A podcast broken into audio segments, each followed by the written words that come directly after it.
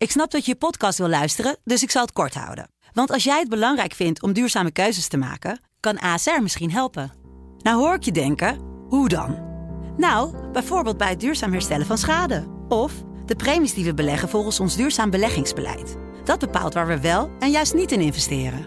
Wil je meer weten over welke duurzame keuzes ASR maakt? Ga dan naar asr.nl slash duurzame keuzes. ASR doet het. Zo, dan kan je nu lekker naar je podcast luisteren. De wind die waait in politiek Den Haag van links tot rechts is, ja, als we dan ergens geld gaan verspijkeren, is het eh, ten behoeve van de burgers, ten behoeve van de woningbouw uh, en niet ten behoeve van het bedrijfsleven. verplegers, uh, Precies, omhoog, in de zorg, mm. misschien de leraren, maar, maar zeker niet richting het bedrijfsleven. Dit is Kwestie van Centen, een podcast van de Financiële Telegraaf. Met Martin Visser en Herman Stam. Hallo allemaal. Uh, vorige week, uh, Martin, uh, hebben we onze eigen troonrede geschreven. Wat ja. moet er allemaal in staan? En inmiddels hebben we naar de troonrede geluisterd. Van een koning die zich behoorlijk veel versprak. ja, het eerste dat, dat viel mij ook op, ja. ja. Ik hoorde ook weer een duider zeggen dat maakt hem menselijk. Nou, dat is, zo kan je het ook zien. Ja, ja. en ik denk dan altijd van hoe vaak oefen je zo'n tekst? maar goed, ja. de buitenlandse woningmarkt had het onder andere over. En, dat ja, daar ging, het een en ander ging de, ging de mis. In, in een troonrede waar niet zo heel veel te melden was. Nee, nou ja, je moet het wel een beetje leuk aankleden, want we gaan het er wel over hebben. Nou, niet Zeker. alleen over de troonreden, maar uh, vooral van wat er uh, op financieel vlak uh, gaat gebeuren. Ja. Dat is meestal niet heel veel bij een demissionair kabinet, maar er zitten nog wel aardige dingetjes in die ja. we willen gaan uitlichten voor onze luisteraars. Uh, even terugkomen nog waar ik over begon, over je, je, de, de eigen troonrede, de verhalen die we allemaal hebben aangehoord. Hebben we nou um, wat daarvan teruggezien? Er waren natuurlijk, je hebt een aantal lezers gesproken. En die uh, hadden allemaal hun eigen, uit hun eigen beroepsgroep. De agent, uh, ja. de gepensioneerde.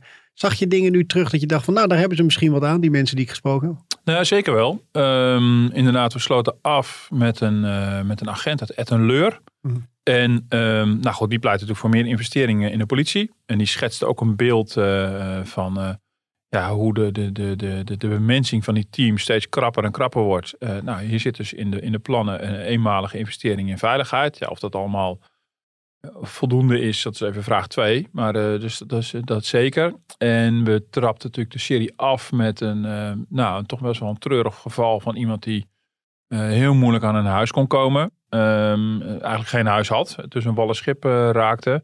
En nou, die, die, die heeft denk ik in de troonrede geen perspectief gekregen. Maar je ziet natuurlijk wel aan alles de afgelopen dagen dat woningmarkt als thema echt heel dominant is. Ja. En uh, dus dat is natuurlijk wel echt opvallend. Ook, uh, ook in de opiniepeilingen die er allemaal verschijnen, blijkt dus gewoon uh, met stip op nummer 1 wordt door, gewoon door, door Nederlanders de woningmarkt als grootste probleem van dit moment gezien.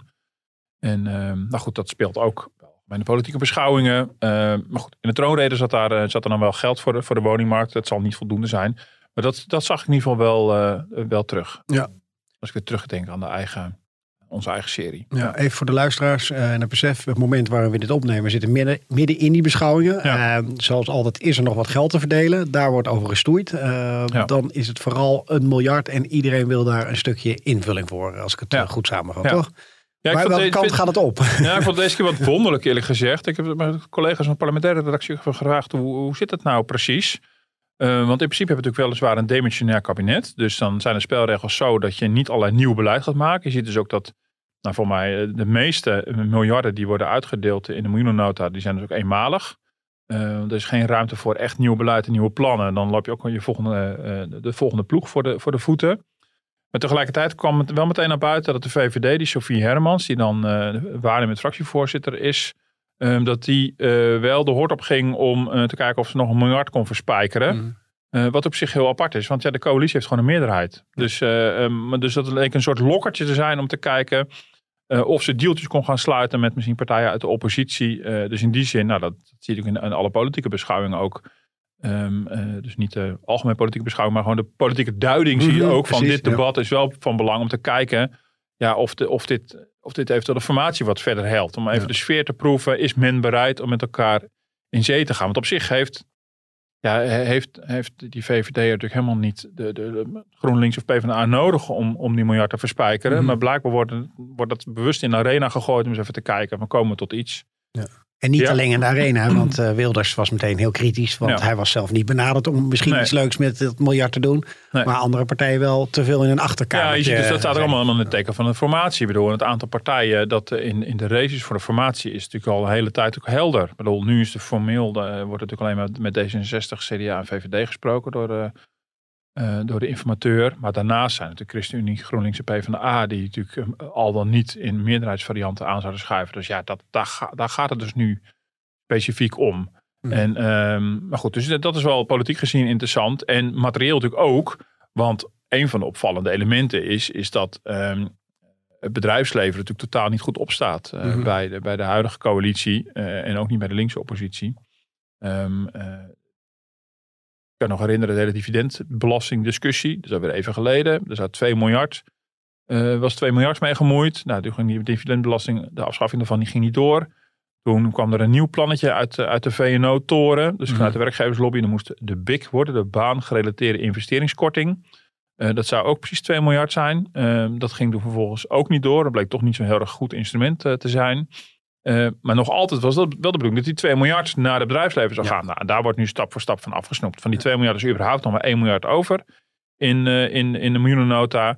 En je ziet dat het vrij schieten is in, in, in het politieke debat nu om gewoon dat geld elders in te gaan zetten. En dat is wel opvallend. Dat vooralsnog ja, laten ook de coalitiepartijen dat, eh, dat gewoon toe. Dus, Ja. dus het zegt wel weer iets, even los van ja, wat dit allemaal voor de formatie zo betekent. dat, dat, dat, dat, weet ik allemaal niet. Maar eh, eh, het zegt ook wel iets over het sentiment en de teneur. Ehm, ja, ook bij de, gewoon de zittende coalitie. eh, dat, dat, ja, dat geldt voor het bedrijfsleven. Dat, dat is allemaal Ja. wisselgeld geworden inmiddels. Ja, en bij. VNO moeten ze dat, neem ik aan, toch met argusogen aanzien. Ik heb, ik heb nog wel een poging gedaan van de week om even te horen van wat vinden jullie nou van. En dan kwamen er hele plichtmatige reacties op. Mhm. Maar het, dat komt omdat ze waarschijnlijk geen olie op het vuur willen gooien. Maar ik kan me. Weet bijna wel zeker dat ze natuurlijk via informele lijnen proberen om dat te voorkomen vanuit die werkgeverslobby. Er wordt gewoon lastenverlichting weggegeven. Dus nou, ja, dat is alvast een voorbode voor wat er gaat komen bij, bij een nieuw kabinet. In welke samenstelling dan ook, denk ik. En dat is dan vooral omdat ze eigenlijk die partijen die ze binnenboord willen trekken, eventueel niet echt ondernemerspartijen zijn. Die hebben andere prioriteiten Ja. dan dat miljard aan de ondernemers. eh. Ja, en zeker omdat natuurlijk de sfeer helemaal is dat dat geld vooral voor grote bedrijven is. Daar, kan, je nog, daar kan je overigens over twisten. Want ook MKB Nederland maakt zich er ontzettend druk over eh, de afgelopen tijd. Die zegt ja, alles krijgt maar het label grote bedrijven, grote concerns en multinationals. En daarmee sneuvelen ook de dingen die goed zijn voor de kleinere bedrijven. Mhm. Ehm, maar je ziet inderdaad, ja, je kan misschien zeggen dat die linkse partijen niet pro-ondernemers zijn. Iets te bout gesteld. Maar je ziet ook dat de VVD er natuurlijk niet zoveel belang bij, heeft om het voor, in ieder geval voor het grote bedrijfsleven op te nemen. Dat is natuurlijk helemaal verkeerd gevallen in, Mhm. eh, bij de dividendbelastingdiscussie. Eh, dus, eh, dus ja, je ziet dat is, gewoon, eh, dat is gewoon geld om weg te geven blijkbaar. Dus Ja. dat is wel opvallend misschien dat het zelfs ertoe toe leidt dat de vennootschapsbelasting omhoog gaat. Eh, Mhm. Ehm, dus ja, dus in die zin, economisch gezien, eh, gaat het nog wel spannend worden eh, als het vanaf volgende week wel tot formatieonderhandelingen komt. Ja, waar, eh, ja, hoe, hoe dat uit gaat pakken. Maar je ziet de, de, de, de wind die waait in politiek Den Haag, van, van links tot rechts, is ja, als we dan ergens geld gaan, vers- gaan verspijkeren, is het ten behoeve van de burgers, ten behoeve van de woningbouw eh, Mhm. eh, en niet ten behoeve van het bedrijfsleven. verplegers, salaris Precies, omhoog, in de zorg, Mhm. misschien de leraren, ehm, maar, maar zeker niet richting het bedrijfsleven. Ja, hoe, hoe verstandig is dat eco- economisch gezien eigenlijk? Want je hebt natuurlijk die, die NOW-pakketten, die Ja. steun voor die, voor die Ja. bedrijven. Dat heeft heel goed uitgepakt. Ja. Maar zeg je van ja, maar dit is, eh, dit- is geen goed moment. Je moet juist nu iets nog doen voor de ondernemers. Ja. Zodat ze nog door kunnen pakken en meer coronaherstel kunnen Ja, verkopen. kijk, ik denk niet. Ik denk dat. ehm eh, je ziet natuurlijk, de herstel van de economie is natuurlijk eh, heel fors. Dus in die zin is het niet zo dat de economie een enorme stimulans nodig heeft. Maar het is wel een goed gebruik en terecht denk ik dat je bij de verdeling van de lasten wel kijkt. Als je lastenverlichting uitdeelt, dat je dat een beetje verdeelt over burgers en over bedrijven. Ehm, nou is niet per definitie, zeg- per definitie gezegd dat die bedrijven recht hebben op die 2 miljard. Zo zie ik dat ook weer, ook weer niet. Want die kwam ook een beetje als een, als een duveltje uit een doosje bij, de- bij, de, vorige, bij de vorige formatie alweer. Mhm. Ehm, maar ik denk wel dat je wel te terughoudend moet zijn om die lasten te, te zeer te verhogen. Ehm, ik denk dat, als je, dat het beter is om eh, je te focussen op eh, belastingontduiking en, en vooral ook belastingontwijking. Mhm. Dus allerlei constructies waarmee grote bedrijven niet hun aandeel betalen. Ehm, ja, en dat gaat misschien materieel eh, voor de schatkist niet om heel groot geld. Voor die bedrijven misschien wel, maar dat gaat er vooral ook over het, over het draagvlak in, in Nederland. Je ziet nou ook bedrijven dragen hun steentje bij. Dat lijkt me een belangrijker iets dan dat je nou de lasten omhoog gaat gooien. Maar goed, mhm. als je erop uit zou komen dat de, de vennootschapsbelasting iets omhoog zou moeten, is ook weer niet het eind van de wereld. Ja, dat, dan maak je in, bedrijfs, in de werkgeverskringen niet populair mee. Mhm. maar het is niet zo dat je dan meteen de, de economie de nek omdraait of iets dergelijks. Nee, maar ik zie het meer gewoon als ook, als iets symbolisch. Dat je denkt van nou, we hebben allemaal hardlopen knokken. Om die bedrijven eh, een beetje uit de wind te houden in coronatijd. En dan meteen een jaar erop, huppakee, je gaat toch wat meer belasting Nee, je moet wel goed opletten waar je dat inderdaad doet. Ik bedoel, mm. eh, ik kan me voorstellen dat kleine en middelgrote ondernemers natuurlijk wel dat steuntje in de rug op zichzelf wel kunnen gebruiken. Mm. En uh, het, risico is, het, risico is vooral dat, dat het, bedoel, het, is, ehm, het slaat zo om hè, van het ene naar het andere. Eerst heb je natuurlijk bij een vorige kabinet dat ze onder leiding van Mark Rutte prompt 2 miljard eh, weggeven uh, ten faveur van eh, beleggers en hele grote bedrijven. En nu slaat de pendule totaal om. Mm. En denk je, oké, maar wordt er dan wel maat gehouden? Ik bedoel, dat, dat zou mijn enige zorg dan zijn. Dat je niet zoiets hebt van, ja, het is een beetje zo alles of niks. Mm. En dat vind ik wel heel erg opvallend. En um, dus daar moet je natuurlijk wel terughoudend mee zijn. Want er is helemaal niets mis mee om ervoor te zorgen dat je gewoon een concurrerend land bent. Dat je aantrekkelijk blijft voor het bedrijfsleven. Eh, daar is natuurlijk helemaal niks mis mee. Maar het, dat het, maar het altijd maar dienstbaar zijn aan die grote multinationals, ja, dat verhaal dat is sleets geworden. En dat, dat is ook niet meer. Dat is ook niet altijd goed onderbouwd geweest. Hmm. De gedachte dat daar de, de, de banenmotor zit.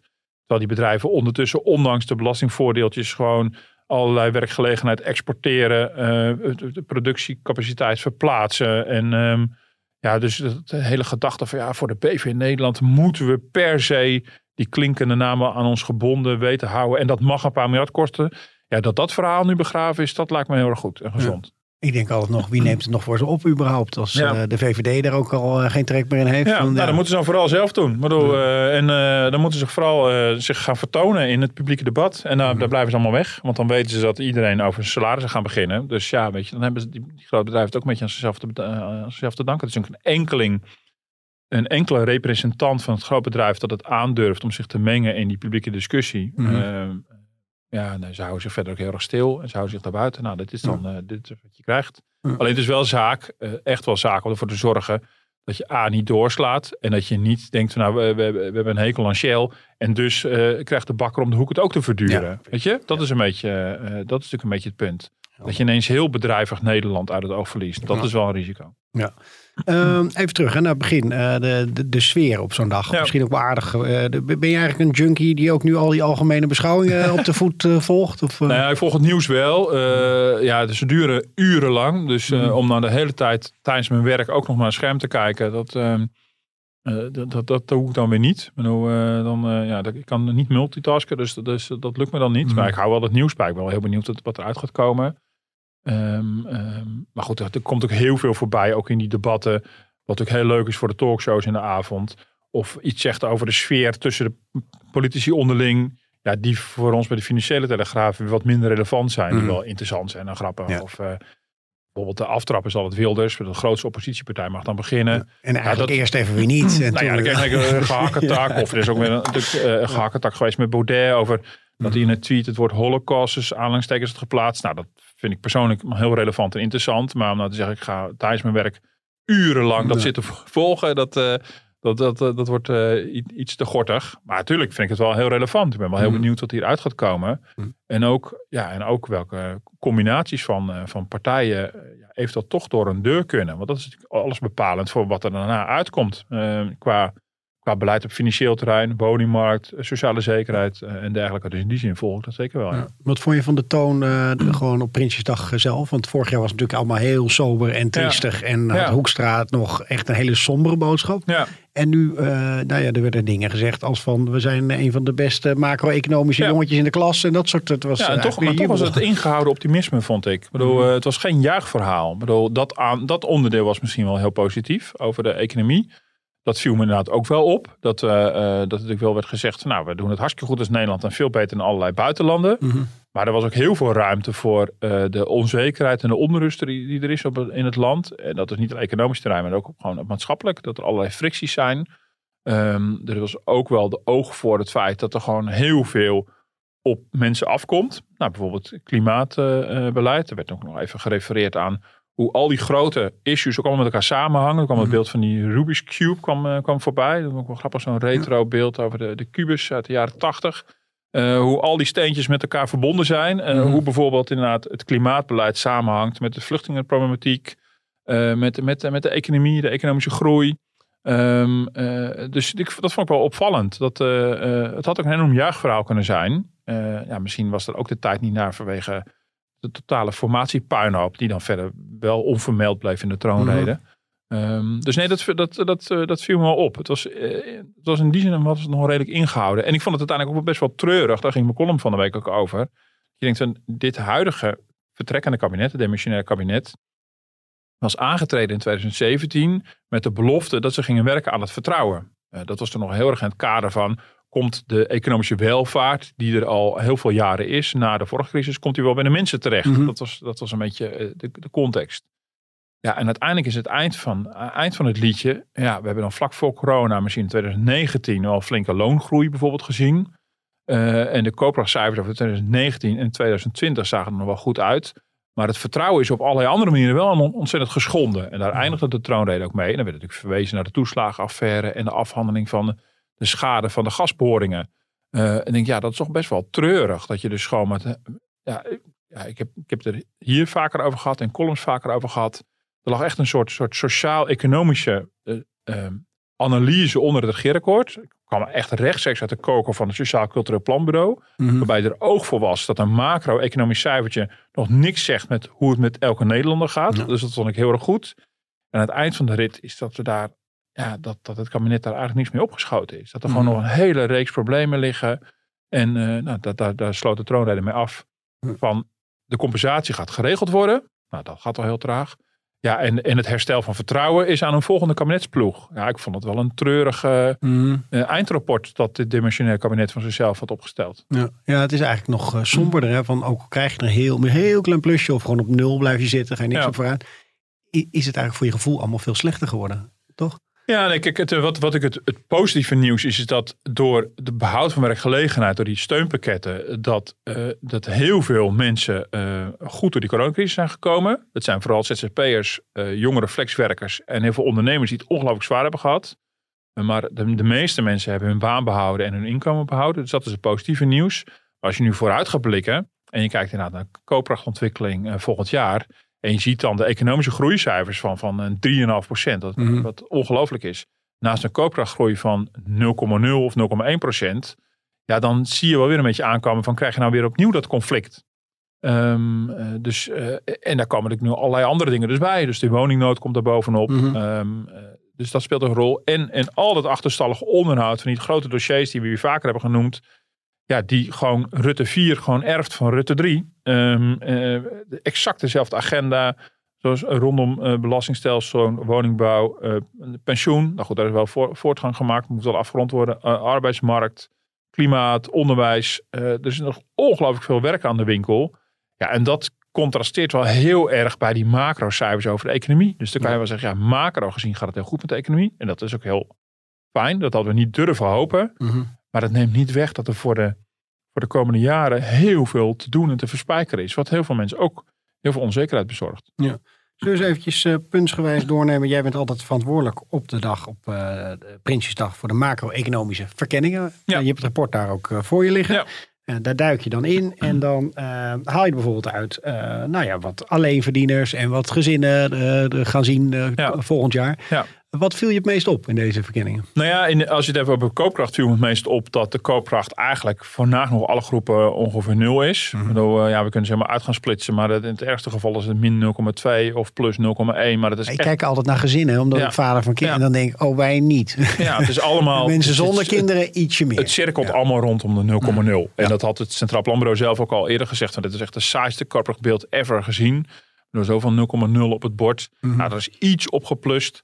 Ehm, om de verschillen nog wat kleiner te maken. Eh, dus nou, grosso modo is, is de koopkracht staat volgend jaar eh, nagenoeg stil. Dus dat is opvallend. En de redenatie kan ik op zichzelf begrijpen. Maar de vraag is of je hem echt verkocht krijgt. En de redenatie is waar we het net over hadden. Er zijn zoveel mensen relatief goed door die crisis gekomen. Ehm, ja, eh, dan is het ook niet zo gek dat je op een gegeven moment ook een pas op de plaats maakt qua koopkracht. Want ja, we hebben wel de diepste crisis in jaren meegemaakt. Mhm, ja. Want ik vraag me af of dat te verkopen is. Want dan, we hebben het over volgend jaar. En dan volgend jaar als de economie zo groeit en bloeit. En je ziet wel dat heel veel bedrijven het wel goed doen. En mensen worden geconfronteerd met die dure gasrekening. Eh, ehm, ze, zien de, ze zien al een tijdje alle prijzen stijgen. Eh, ik ben benieuwd, dat voor mij geeft dat wel een zekere spanning. Maar dat, dat viel me onder andere op. Ja, en verder is natuurlijk, ja, je, dit is die macro-economische verkenning is natuurlijk de jaarlijkse doorrekening van het Centraal Planbureau van alle plannen van het kabinet. Ja, en alle plannen van het kabinet zijn natuurlijk allemaal tijdelijke maatregelen. Mhm. Bedoel, er, wordt, er wordt miljarden verspijkerd bij het klimaat. Eh, Ja, dat is echt fors. Hè? Dan gaat uiteindelijk 7 6,8, miljard. ja, ja. afgedwongen door de rechter. Ja. Ehm, het blijft ook altijd opmerkelijk dat de rechter uiteindelijk heeft moeten afdwingen dat Nederland zich aan de doelen houdt waar ze zichzelf aan heeft gecommitteerd. Mhm. Ehm, ja, ik ben benieuwd. Dat gaat naar allerhande subsidies voor duurzaamheid, eh, elektrische auto's, verduurzaming van woningen. Ik hoop dat het met Ook, al ook bedrijfsleven, of niet? ja, dat zit de, de, ook bedrijfsleven moet verduurzamen. Mhm. Dus daar, daar zit dat eigenlijk over de volle breedte zijn er allerlei subsidieregelingen. Eh, ik ben benieuwd of dat goed gaat. Want in het verleden eh, is het nog wel eens misgegaan met subsidieregelingen. Mhm. Ehm, dan zie je toch eh, dat bepaalde inkomensgroepen beter eh, eh, die subsidies weten binnen te harken voor een dikke Tesla. Dan, eh, dan, eh, dan mensen die überhaupt eh, niet in staat zijn om, om een auto te kopen. Of het Ja. moeten doen met een oud tweedehandsje. Dus of dat altijd goed gaat. Of er een enorme run op staat. Ik bedoel, anderzijds, het klimaatbeleid gaat geld kosten. Dat is natuurlijk wel duidelijk. Ja. Ehm, dus ik ben wel even benieuwd. Want je gaat in korte tijd wel heel veel geld verspijkeren. Ehm, dus ja, en, en verder is het natuurlijk inderdaad heel veel, heel veel eenmalig. Eh, ja, en er wordt wel extra uitgegeven, waardoor de economische ramingen, dat was ook nog wel opvallend, beter zijn dan voor de zomer. Planbureau maakt altijd voor de zomer een concept eh, macro-economische verkenning. En dat is een soort korte versie. En die publiceren ze tegenwoordig ook, want anders lekt die toch maar uit. Mhm. En dan kan je heel goed voor en na de zomer met elkaar vergelijken. En wat daartussen zit, is niet dat ze tot een nieuw inzicht zijn gekomen, maar dat is gewoon wat er onderhandeld is in Den Haag. En je ziet bijvoorbeeld dat eh, de economische groei net een tandje hoger zal zijn volgend jaar dan ze eerder dachten. De werkloosheid nog net ietsje lager zal zijn. Eh, en dat heeft toch te maken met dat de overheid extra miljarden gaat uitgeven. En dat stimuleert ook, ook weer de economie. Ja, ja, goed punt wat je ook maakt over dit eh, klimaat. Want ik zat zelf ook nog te kijken van de BPM gaat dan wel weer omhoog. De motorrijtuigenbelasting. Ja. Op benzine en op dieselauto's. En denk ik van ja, oké, Ja. maar dan moet je dus wel een alternatief kunnen bieden voor mensen. Ja. eh, Dat ze ook echt een, eh, een elektrische auto kunnen rijden. Ja, En ja. dat, nee, dat moet wel een beetje blijken hoe die regelingen dan precies uit gaan, eh, gaan Mhm. zien. Maar je ziet natuurlijk wel, ja, ja in, in, in, in woorden zijn de ambities, ambities enorm. Het ook weer herhaald dat ook Nederland ernaar streeft die CO2-uitstoot sneller te reduceren dan ze aanvankelijk van plan waren. Blijft altijd een beetje wonderlijk dat, dat Rutte ook in Brussel eh, zich van zijn beetje ambitieuze kant steeds laat zien.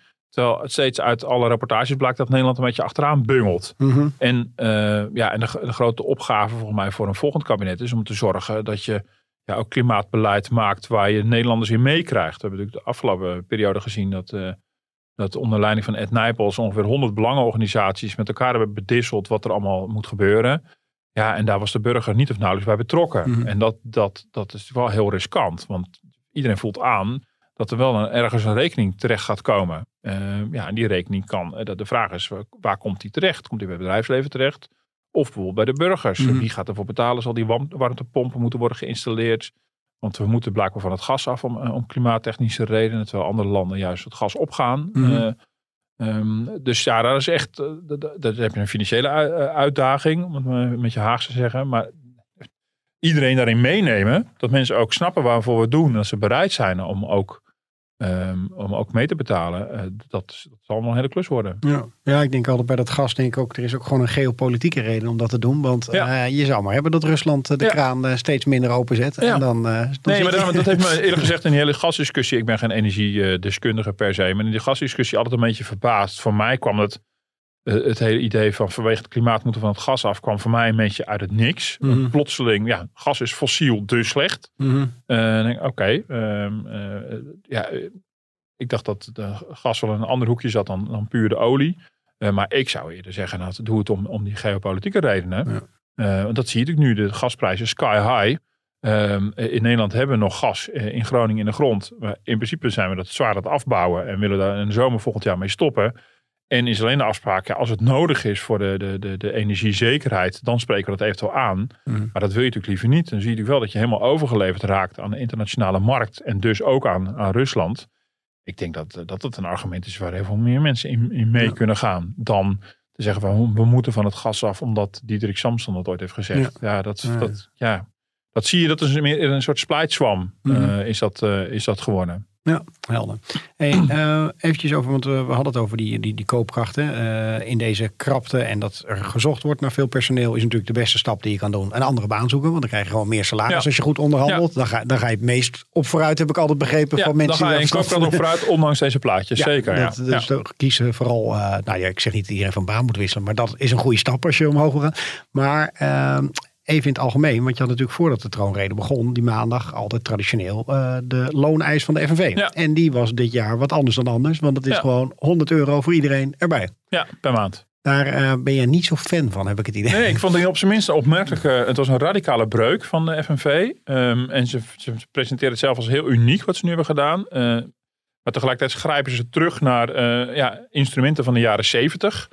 En ehm, met je de tijd van eh, willen we naar de Dam, dan gaan we naar de Dam. Mhm. Van die oude FNV-mastodonten. Ja. Ehm, dus ik krijg allemaal meteen zwart-wit foto's voor, voor, voor, eh, eh, voor ogen.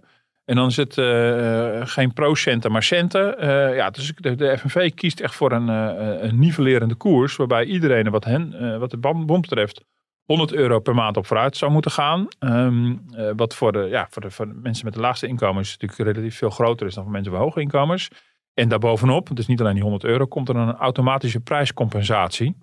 En dat is een instrument waar we in de jaren 80 al afstand van hebben genomen. Misschien Mhm. her en der schijnt hij nog te bestaan.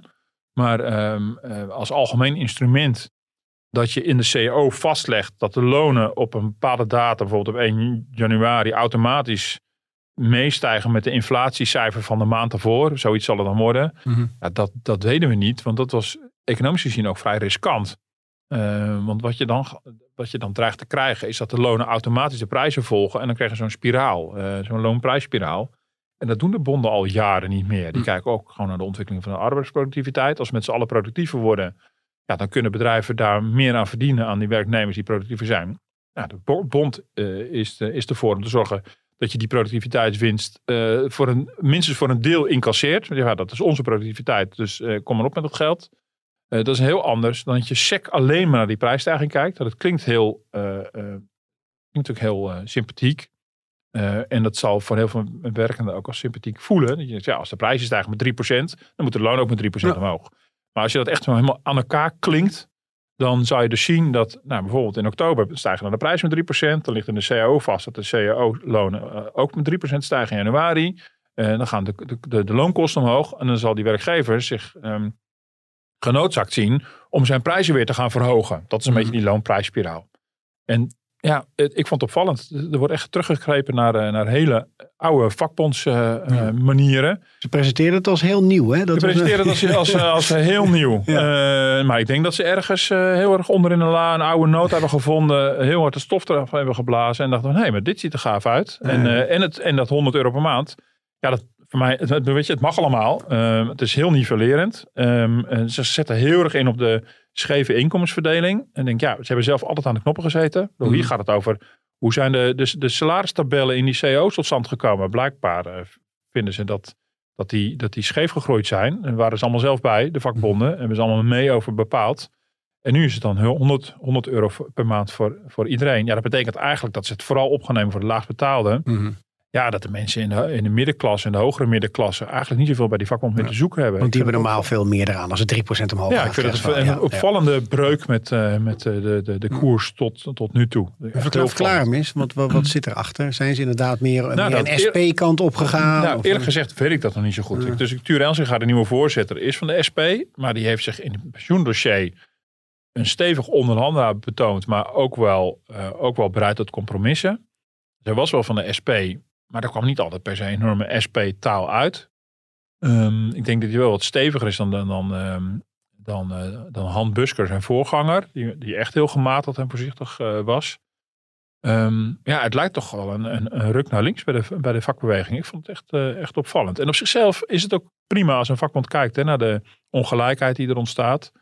Tot nu toe was het vooral de ongelijkheid in zekerheid op de arbeidsmarkt. Dus, dus inzetten op, op vaste banen en minder op flexbanen. Ja, nu is het inderdaad ook, die, die, ze gaan helemaal vol op de trom op die, eh, die inkomensgelijkheid.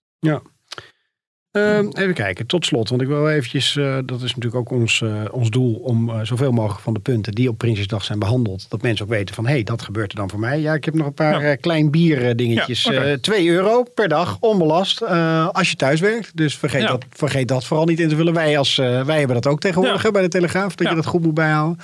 Maar een werkgever heeft er dus wat aan, want er kost- zit geen belasting op. Nee, dus eh, en, ehm, eh, ja, dat, je ziet ook gewoon dat, dat, iedereen ervan uitgaat dat het thuiswerken een blijvertje is. Mhm. Eh, en dat zal een beetje moeten, ja, moet een, beetje moeten blijken de komende tijd. Wat, wat de nieuwe balans gaat worden. Nou goed, hebben wij hier inderdaad ook. Nou, ik ben blij dat we af en toe op de redactie kunnen zijn. Maar ik vind het ook fijn om zo nu dan thuis te zitten. Mhm. En ja, dat, dat, iedereen zoekt een nieuw evenwicht. En er is in ieder geval een erkenning dat, eh, dat als je thuis werkt, dat je ook thuis kosten maakt. En eh nou, 2 euro per dag is natuurlijk niet heel erg veel. Maar goed, eh, ja, dus op zich, ja, je ziet die ontwikkeling dan wel heel snel gaan. Hè? Mhm. Dat ook werkgevers daar ook heel snel toeschietelijk in worden. En ze, besparen natuurlijk ook weer reiskosten. Ehm, dus ja, ik denk dat 2 euro per dag thuiswerken voor de werkgever goedkoper is. Dan wanneer ze moeten betalen voor mijn reiskosten hier naartoe. En het gebruik dat ik hier maak van apparatuur en dergelijke. Ja. Dus eh, ja, Ja, nee, ik vond het gewoon opvallend dat het iets zegt over de tijdsgeest. Wat ja. er is gebeurd. En, eh, dat, dat het er heel eh, snel gehandeld wordt. Ja. Dat vind ik echt aan, aan, op alle fronten. En dat is echt, echt opvallend. In, in, het begin van de, euro, de eurocrisis, van de coronacrisis, had ik nog zoiets. Nou, moet, ik moet nog maar zien Mhm. wat er echt verandert. Maar je ziet hier, en daarvoor heeft de coronacrisis echt wel lang genoeg geduurd. Dat, dat heel veel mensen hebben ontdekt van, oh ja, oké, ik bedoel, het alsmaar thuiswerken, dat oeverloze thuiswerken is voor de meeste mensen niet echt ideaal. Sommige mensen vinden dat ook nog fijn. Maar dat je, dat je daar een beetje een soort midden in vindt, dat, vind, eh, dat, ja, dat, dat lijkt het toch wel op dat de meeste mensen dat wel prettig vinden. Ja. Ja. En eh, de woningmarkt, hè, want daar eh, begon je ook over. Ja. Eh, daar zitten wat nou ja, eh, maatregelen in die vooral de sociale woning, Ja. huur. nou, je moet maar even uitleggen. wat is precies nu het plan waardoor je die markt een klein beetje vlot trekt? Nou ja, kijk, het allerbelangrijkste is, is natuurlijk dat er geld in geïnvesteerd wordt. Dat is denk ik Mhm. het eh, allerbelangrijkste. En dat is een continuering van wat er al eerder was, was, was ingezet. Er komt voor de komende tien jaar 100 miljoen per jaar beschikbaar. Dat is het allerbelangrijkste. Eh, waarbij ook meteen wordt gezegd, ja, eh, ja het, kabinet en ook de missionaire staat is niet van plan om, om het hele woningprobleem fini- in financiële zin op te lossen. Ehm, als je neem, kijkt hoeveel huis je ervan kan, kan neerzetten, ja, dan Ja. haal je lang niet de 100.000 die er per jaar nodig zijn. Dat, eh, dat gaat niet lukken. Maar het is wel een poging om in ieder geval iets van het huidige beleid gewoon voort te zetten. Alleen wat natuurlijk totaal ontbreekt, doordat ze demissionair zijn, is dat er niet een nieuw plan ligt, zeg Mhm. maar. Weet je? Ehm, een, een woningplan waarbij je dus alles met elkaar in verband ziet. Van de sociale huur, de vrije huur, de hele kwestie rondom eh, de beleggers die steeds actiever worden in het opkopen van bestaande woningen. ehm, ehm, eh, en dan koopwoningen aan de voorraad onttrekken en dan hele dure huurwoningen ervoor teruggeven. Eh, wat in heel veel gemeenten tot, spanningen leidt. En dan vervolgens de hele koopmarkt van de, de, de, de, de, de, betaalbare ko- koophuizen voor de starters. Tot en met de huizen waar ouderen in wonen die idealiter zouden moeten doorstromen naar een, een, appartement voor ouderen. Dus, dus hoe, die, hoe al die deel, delen van die, arbeid, van die woningmarkt met elkaar in verband staan.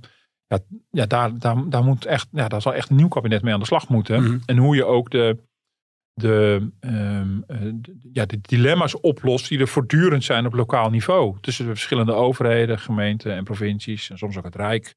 eh, versus de bouwbelangen. De, de, de natuurbelangen die er zijn. eh, de, scha de schaarse ruimte die we hebben. Ja, ja, en je ziet ook nou de, de roep om een aparte minister van, van Wonen. eh, nou, die zagen we in allerlei verkiezingsprogramma's al Ja. terug. Dat zie je natuurlijk de laatste dagen ook allemaal weer terugkomen.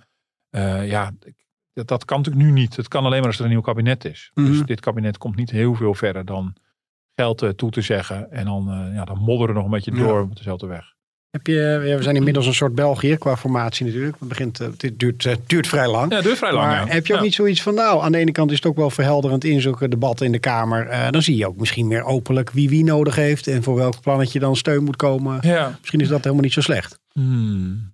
Hmm, nou, of zeg je van, nou, de nood is zo, het is zo, de nood is aan de man, er moet zo snel geformeerd worden. ja. op- opschieten. Nou, kijk, dit zou dan onderdeel zijn van die nieuwe bestuurscultuur. Waarbij je gewoon eh, in, in alle openheid wordt gezocht naar meerderheden en dergelijke. Ja, dat, ja ik ben er allemaal heel... eh, ik ben sceptisch over of dat gaat Hmm. werken. Ik geloof dat allemaal niet zo. Voor mij is het echt ongelooflijk moeilijk. Wat, wat je natuurlijk nu vooral ziet, is, is dat heel veel partijen heel voorzichtig zijn en heel bang. En, en niet een beweging durven te maken naar de ander.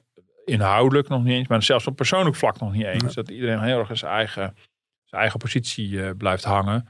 Dus ehm, ja, het spijt me, maar ik kan hier nog niet zoveel positiefs aan ontdekken. Nee, je ziet vooral dus eh, misschien dat het, dat het wel lukt om in, in, in debatten eh, iets anders te doen dan dat het demissionair kabinet heeft verzonnen. Of iets extra's. Of, eh, dat kan soms best een verbetering zijn. Het allemaal wel. Maar je ziet dus dat het gewoon natuurlijk niet mogelijk is om al die thema's die we nu een paar keer genoemd hebben, om daar echt grote stappen te zetten. Ja, daar moet je echt gewoon, ja, toch ook voor wielen en dealen. Ik bedoel, Mm. je kan niet een nieuw belastingstelsel eh uit debatteren in een plenair debat van s morgens 10 Mhm. tot s avonds eh, 12. Dat Mhm. gaat, gaat natuurlijk niet Ja. lukken.